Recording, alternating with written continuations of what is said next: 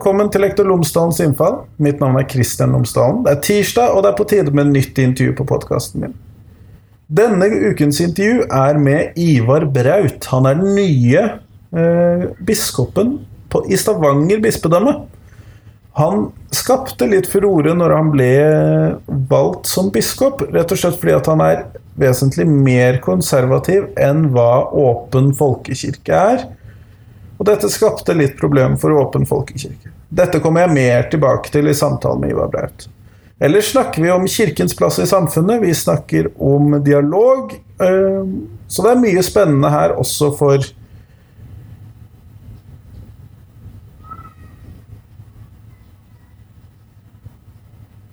Vi snakker med andre ord om en mye forskjellig. Så jeg håper dere koser dere med intervjuet. Her kommer det.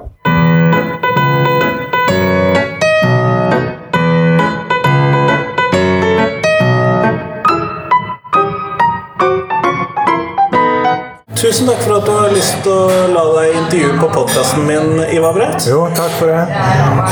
Du har jo nå blitt eh, biskop i Stavanger. Ja. Men kunne du fortelle lytterne mine tre ting eh, om deg selv, sånn for å starte? Jeg er ganske seriøs av meg. Du er det, ja? Ja.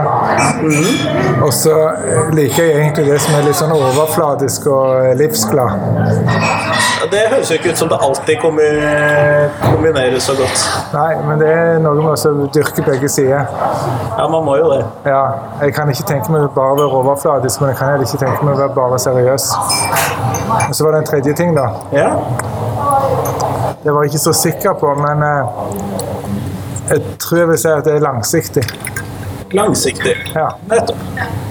Men flott. Eh, Det burde jo være en god egenskap for en biskop. Ja, jeg skulle tro det. Jeg tenker jo at ting skal vare en stund. Gamle kirker, og du. Middelalderkirker og Ja. Ja, du har jo noen nøklene til eh, noen av de mer praktfulle kirkebyggene i Stavanger. Ja, det er domkirka. De har nok nøkler. Jeg vet ikke hvordan jeg skal bruke den, men eh, jo, jeg har det. Um, Du har jo da blitt uh, biskop i Stavanger. og Hvordan er det å ha rykket helt til topps eh, innenfor kirken? Det er litt uvirkelig, og så lurer jeg på, av og til på om det egentlig er å rykke til topps eller til bunns. Det er ganske tøft liv. Mye ansvar, antagelig. Ja, det er det. Og så er det en bratt kurve på begynnelsen. Så jeg ble jo glad, og samtidig så kjenner du det der trykket i magen òg av at oi, nå får, jeg, veldig- ja, nå får jeg veldig mye å tenke på.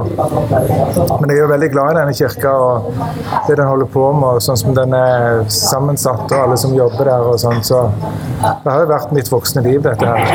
En grunn før det òg, så jeg er jo takknemlig for å få oppgaven, men jeg kjenner at det tynger en del. Ja, man, skal, man, man kommer jo ikke bort ifra at det ligger et ansvar der når man får en sånn posisjon, uansett om det er i kirken eller om det hadde vært i en bedrift. eller... Ja, og samtidig vet jeg at det er ikke sånn at alt avhenger av meg. Nei, det er mange som gjør det daglige arbeidet. Ja, veldig mye. Det ville ikke gått. Det ville stoppa opp den tredje dagen ellers. Det er helt sikkert. Um, dette innebar jo også å vende hjem. Du er jo fra området. Ja, vokste opp på Sandnes. Bodde der fra jeg var seks år til jeg var 1920. Så selv om ikke det hele livet, så har jeg bodd lenger andre plasser, bl.a. i Bergen. Så det er helt klart jeg kommer derifra, så jeg kjenner jo Lunde og folka. Det, er- det er fint. Ja, jeg kan jo forstå at eh, hvis man først skal bli biskop, at det er litt sånn å vende hjem kanskje kan være et, eh, en fin måte å gjøre det på. Ja, Så lenge som ikke nostalgien tar deg, og du skal liksom finne tilbake til det gamle, for det fins ikke lenger. Nei, det har vel skjedd noen forandringer i løpet av de siste 40-50 årene. ikke minst der, f.eks. oppvekstbyen min Sandnes, den er, har blitt tre ganger så stor.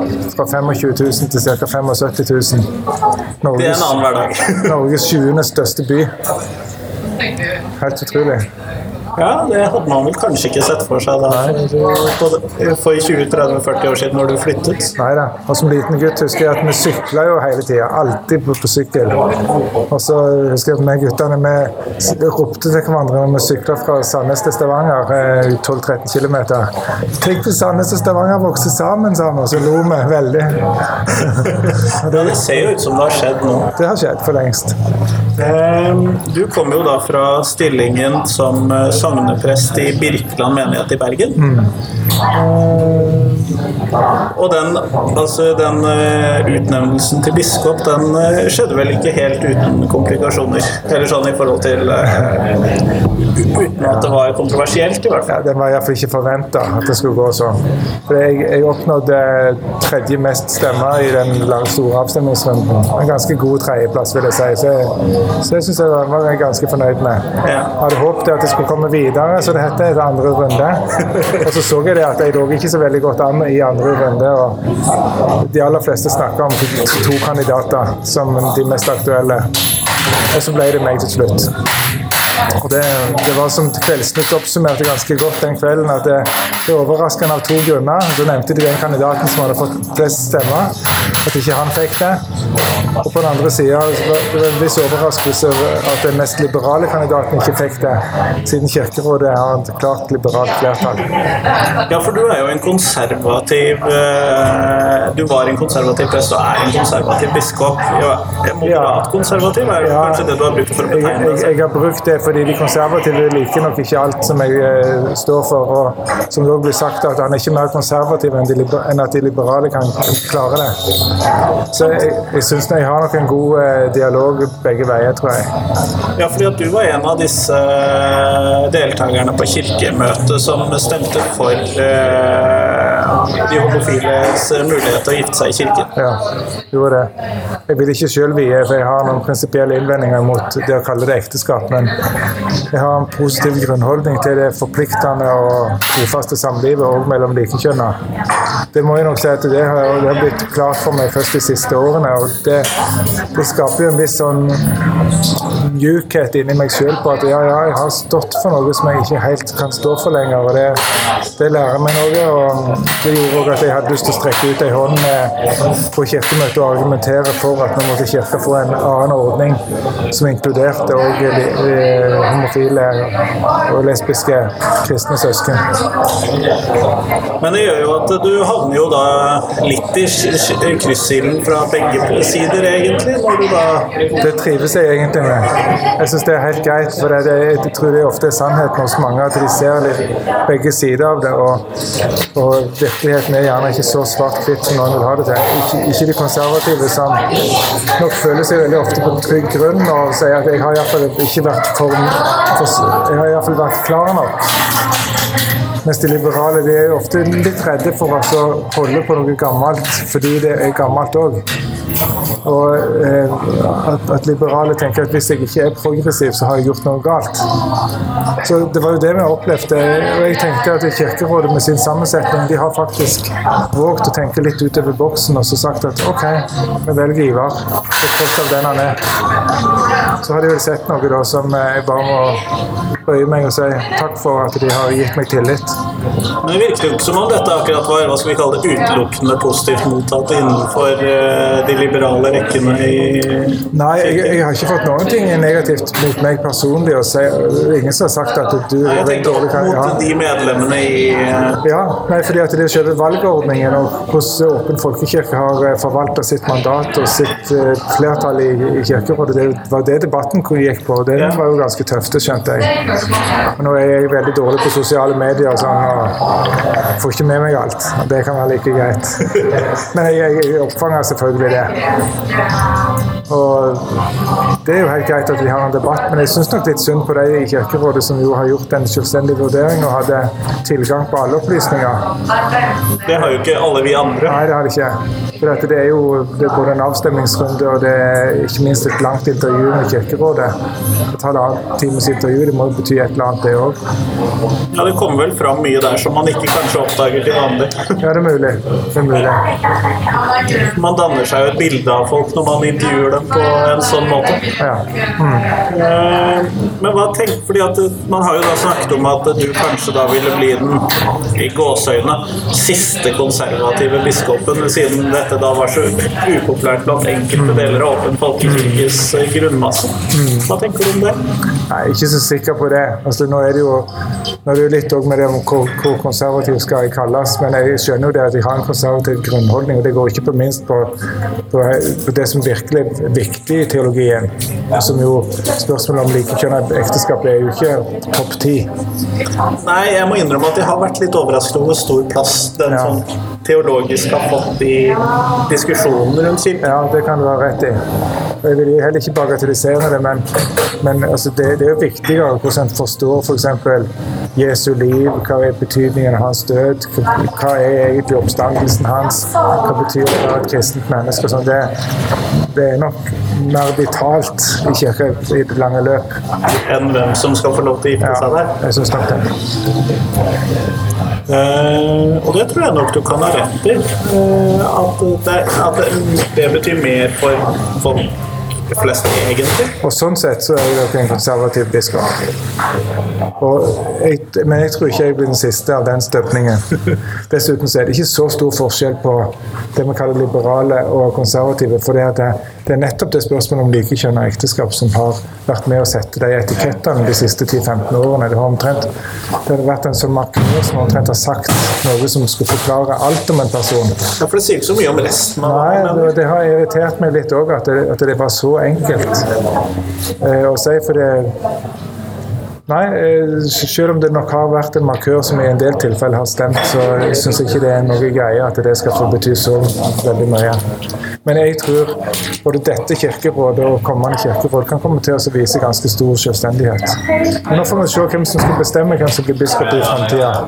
Det er jo oppe til debatt. Det blir avgjort om et par-tre år. Ja, og Den norske kirke har jo ikke akkurat fått noe valg i form av den at Kirken har jo blitt tvunget av staten til å måtte velge en demokratisk styreform på den måten.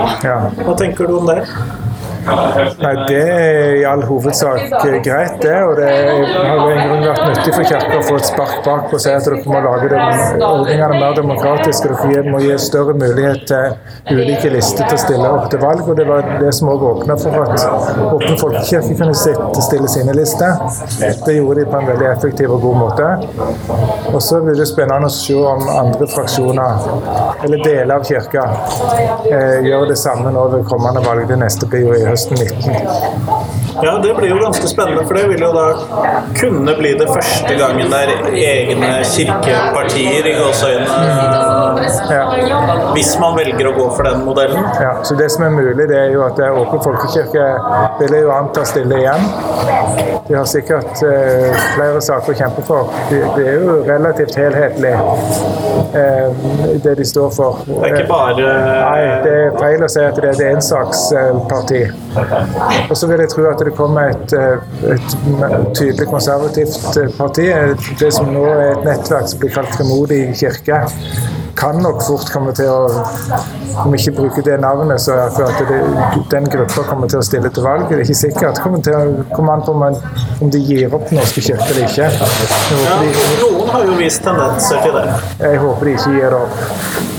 Jeg mener Bredden i kirka inneholder både de venstreorienterte og høyreorienterte. Bredde er jo òg det som er motsatt av det du står for sjøl. Ja, og det må det jo være plass til i en såpass For det er jo en eh, Jeg som humanetiker er jo kanskje litt uenig i hva man regner som sånn kirkens størrelse, og hvor mange som er medlem sånn aktivt. sånn, Men sånn medlemsmassemessig sånn på papiret så er det i hvert fall en veldig betydelig andel av norske befolkningen som befinner seg i Den norske kirke. Ja, 3,9 millioner. Og, og du har jo helt rett i at ikke alle er like aktive. Da, da måtte vi hatt mange gudstjenester hver søndag. Det måtte man nok. Ja, ja. Nei, derfor Kirkeframmøtet ligger jo på Hver søndag ligger jo på ca. 1,5% av eh, innbyggertallet. Så det er mye, å gå på. Ca. 100 på hver gudstjeneste er det vel jeg har sett. alt. Ja, statistikk er jo det, Statistikk er jo bare statistikk. Ja, en, en sier jo gjerne løgn, forba, forbannet løgn og statistikk. Det er gradbøyningen.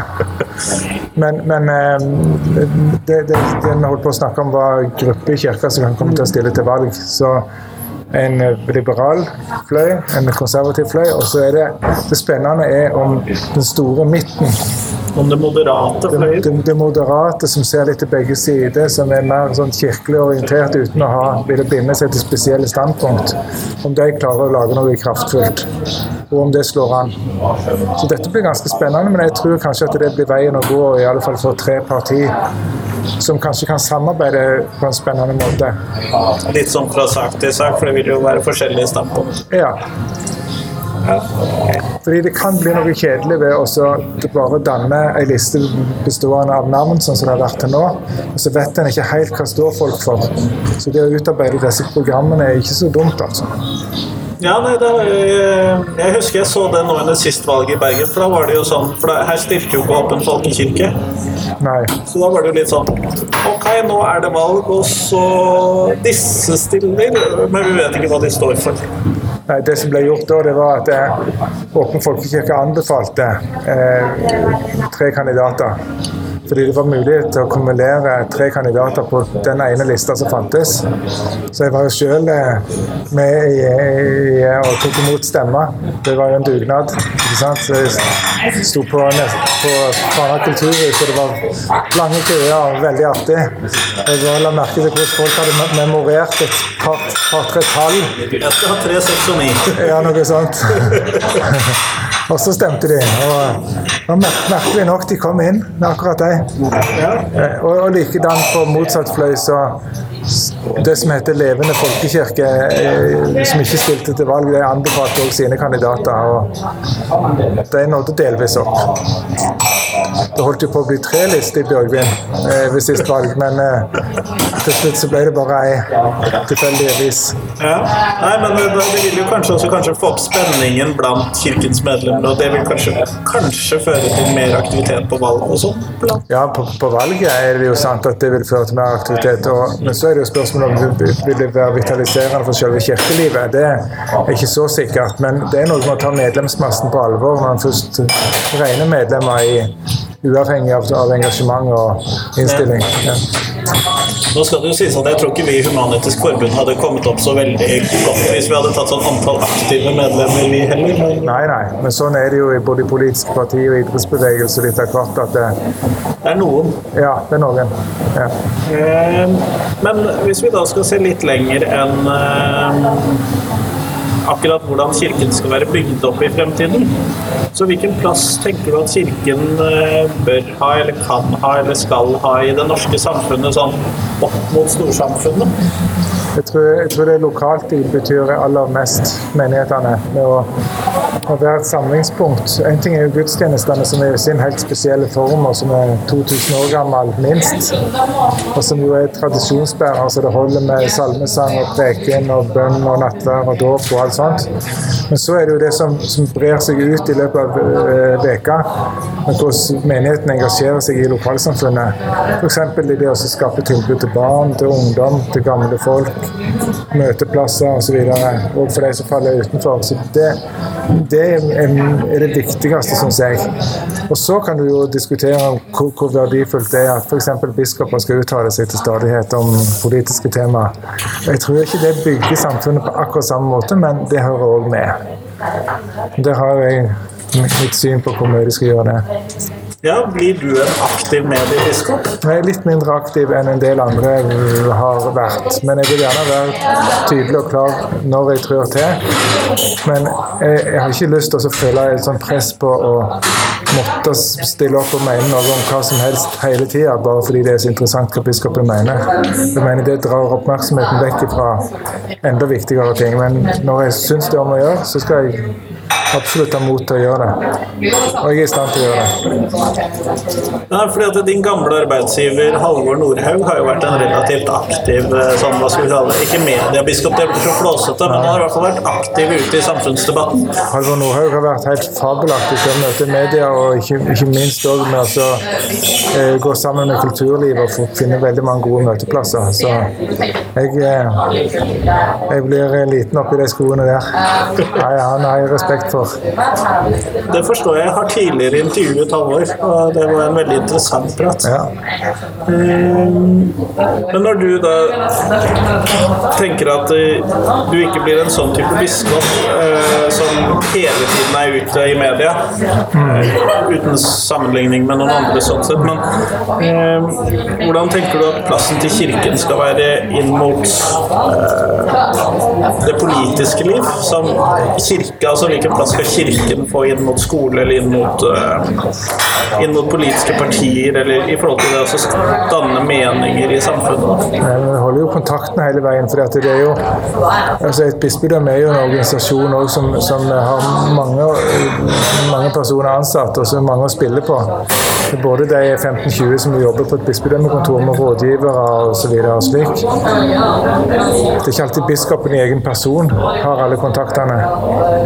Og så gjennom prostene og hvordan bispedømmet er bygd opp, så har vi kontakt med veldig mange politikere, både lokalpolitikere, som er svært viktig. F.eks. å ha en, en, god kommunikasjon med ordførere. Det er lokalt veldig mye skjer.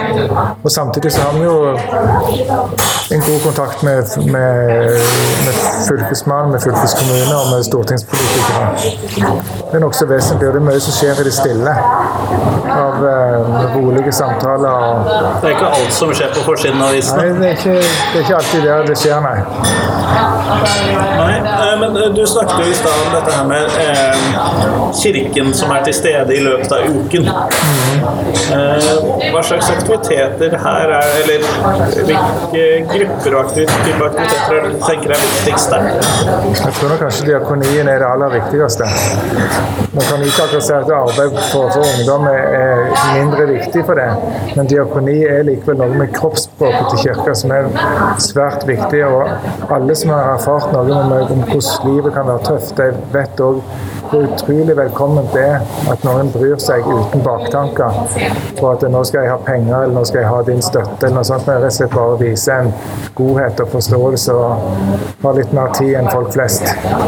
Så Det setter jeg veldig pris på at kirka kan være sånn. og den har eh, sine beste perioder, I kirkas beste periode har den vært veldig diakonal, som jo er et ord som handler om tjeneste når man har vært mest ute og gitt tjenester til uh, menighetene sine, da?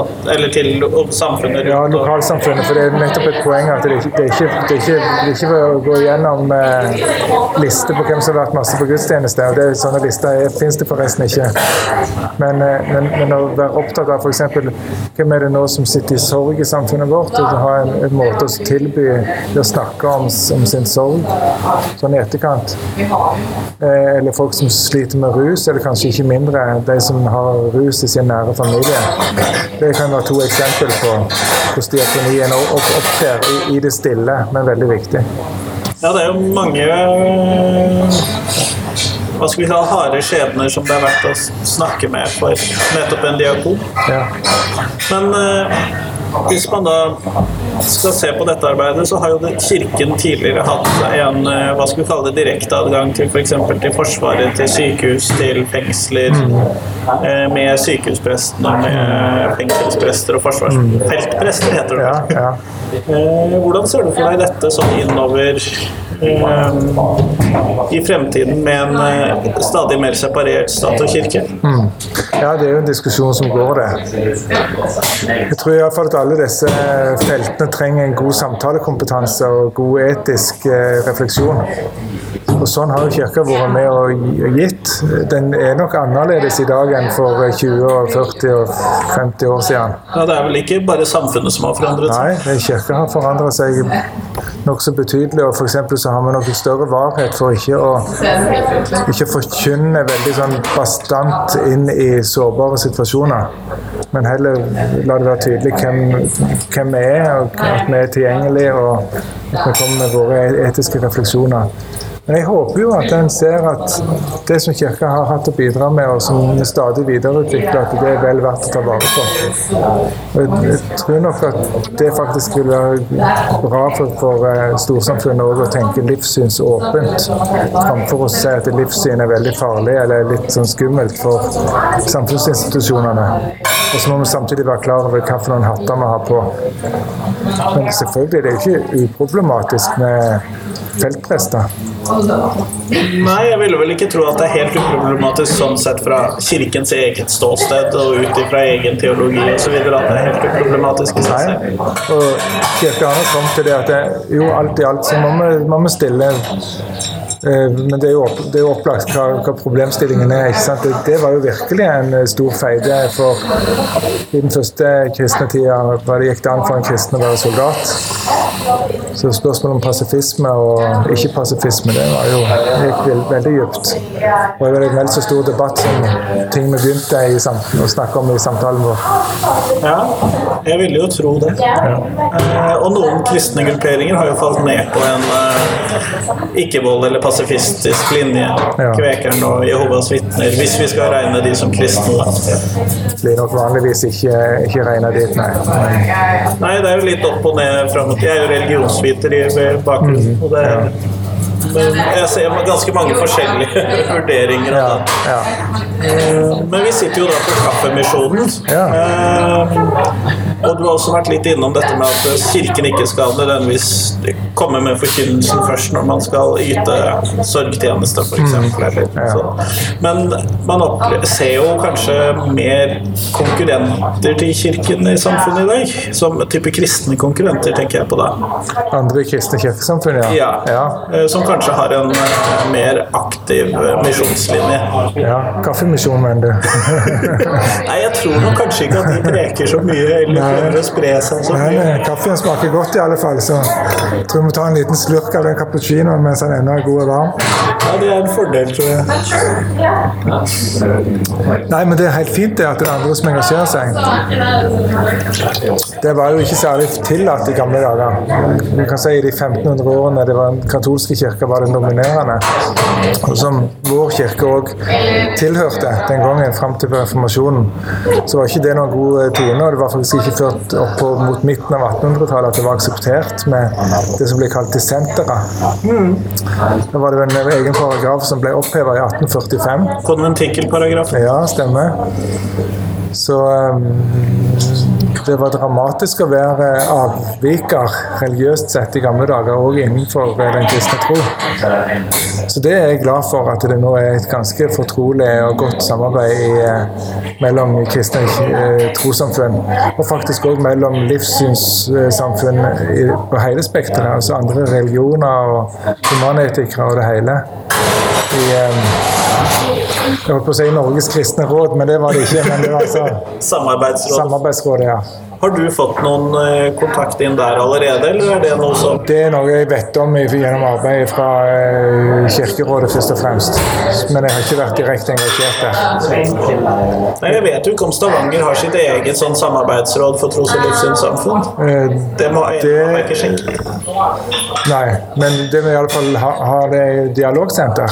Ja, det kan jeg Så gå på mye av det samme. så der er jeg eh, selv om jeg ikke var til stede, valgte styreleder. For det er, det er vanlig eh, rutine at biskopen er styreleder i dialogsentrene.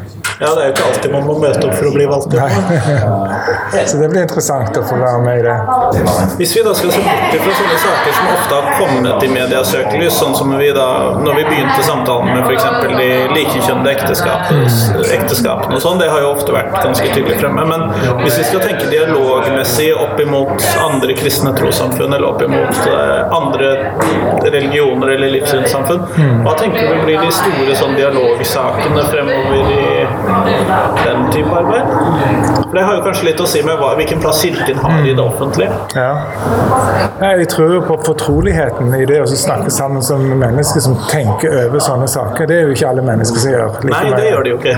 Dette, men de som da har et engasjement sånn, og som er, eh, er reflekterende mennesker La oss da si at det vi snakker om en eh, humanetiker, en muslim og en vanlig eh, norsk kristen. Ja.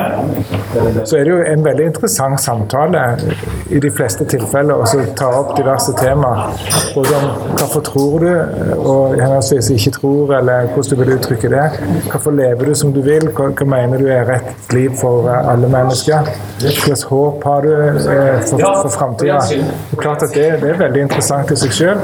Og så er det viktig å ha den samtalen gående òg i fredstid. Du, Ikke bare når det er problemer. Nettopp. Jeg er opptatt av dette at dialogen den eh, må være der òg i fredstid. At vi ikke bare må vente til at det oppstår en akutt situasjon, og så skynder en seg, og så møter en hverandre fra kirke og moské og fra human-etisk og sånn. Og så skal en liksom bli så veldig forståelsesfulle. Uten å ha bygget opp tilliten. Ja, det er bygge- nettopp det, For relasjonene må bli bygd opp eh, over tid, der en kjenner hverandre, en vil, vet at en vil hverandre vel, og at det, det er mange ting en vil Eh, Men hvis vi nå skal ta oss og avslutte podkasten, og nå har vi jo kommet oss hit til Domkirketrappen etter Ja. å bli kastet ut av Kaffemisjonen. Ja, riktignok pga. åpningstider. Men eh, da sitter vi jo ved ei domkirke som er kledd inn, og som sikkert skal bli enda finere utvendig, fall. Det er jo bra at en tar vare på det. tror jeg faktisk alle kan være enig i. Det er bra at vi tar vare på disse smykkene som vi har rundt forbi med 1100- og 1200-tallsbygninger. Hvis vi nå skal eh, komme til det siste sånn avsluttende spørsmålet på podkasten, og da har jeg et spørsmål jeg stiller til alle. Ja. Og det er hva ville Ivar Braut gjort som norsk skolediktator? Altså hvis du hadde fritt mandat og fritt budsjett og så gjøre en endring i norsk skole. Hva ville du gjort da? Jeg hadde plussa på antall lærerkrefter med 25 Det, den kom fort og kontant. Ja, og det er rett og slett Nå skal jeg være litt ukorrekt. Av hensyn til de flinke elevene, sånn at de virkelig får brukt seg. At, de får, at en femteklassing får jobbe på skikkelig, får utvikle seg og finne gleden over det at det, han eller hun får til fag og, og har masse læringslyst. Og så overfor og alle spekter, men òg for de svake elevene som må bli sett, og ikke bare bli målt på hva får de til. For de har så mye verdifullt i seg, alle sammen. Så det, jeg, har, jeg har veldig tro på læreren.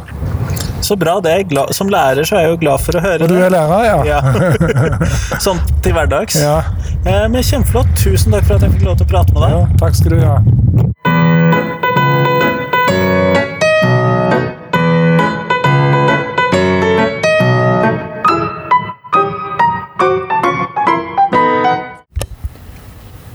Tusen takk til Ivar Braut, og tusen takk til deg som hørte på. Neste uke så er det på tide med nytt intervju. Da kommer samtalen min med Leiv Marstad-inntrede fra Universitetet i Oslo og Universitetet i Bergen. Vi skal snakke om Latin-Amerika, vi skal snakke om hva vi kan om Latin-Amerika, hva vi ofte glemmer, norsk media Vi skal snakke om mye forskjellig knyttet til Latin-Amerika. Eh, Dette handler med andre ord litt om hva burde vi kanskje lært om Latin-Amerika i norsk skole? Så det ser jeg fram til å spille for dere. Men fram til da så får du ha en fin uke og en god Kristi himmelfartslanghelg. Hei, hei!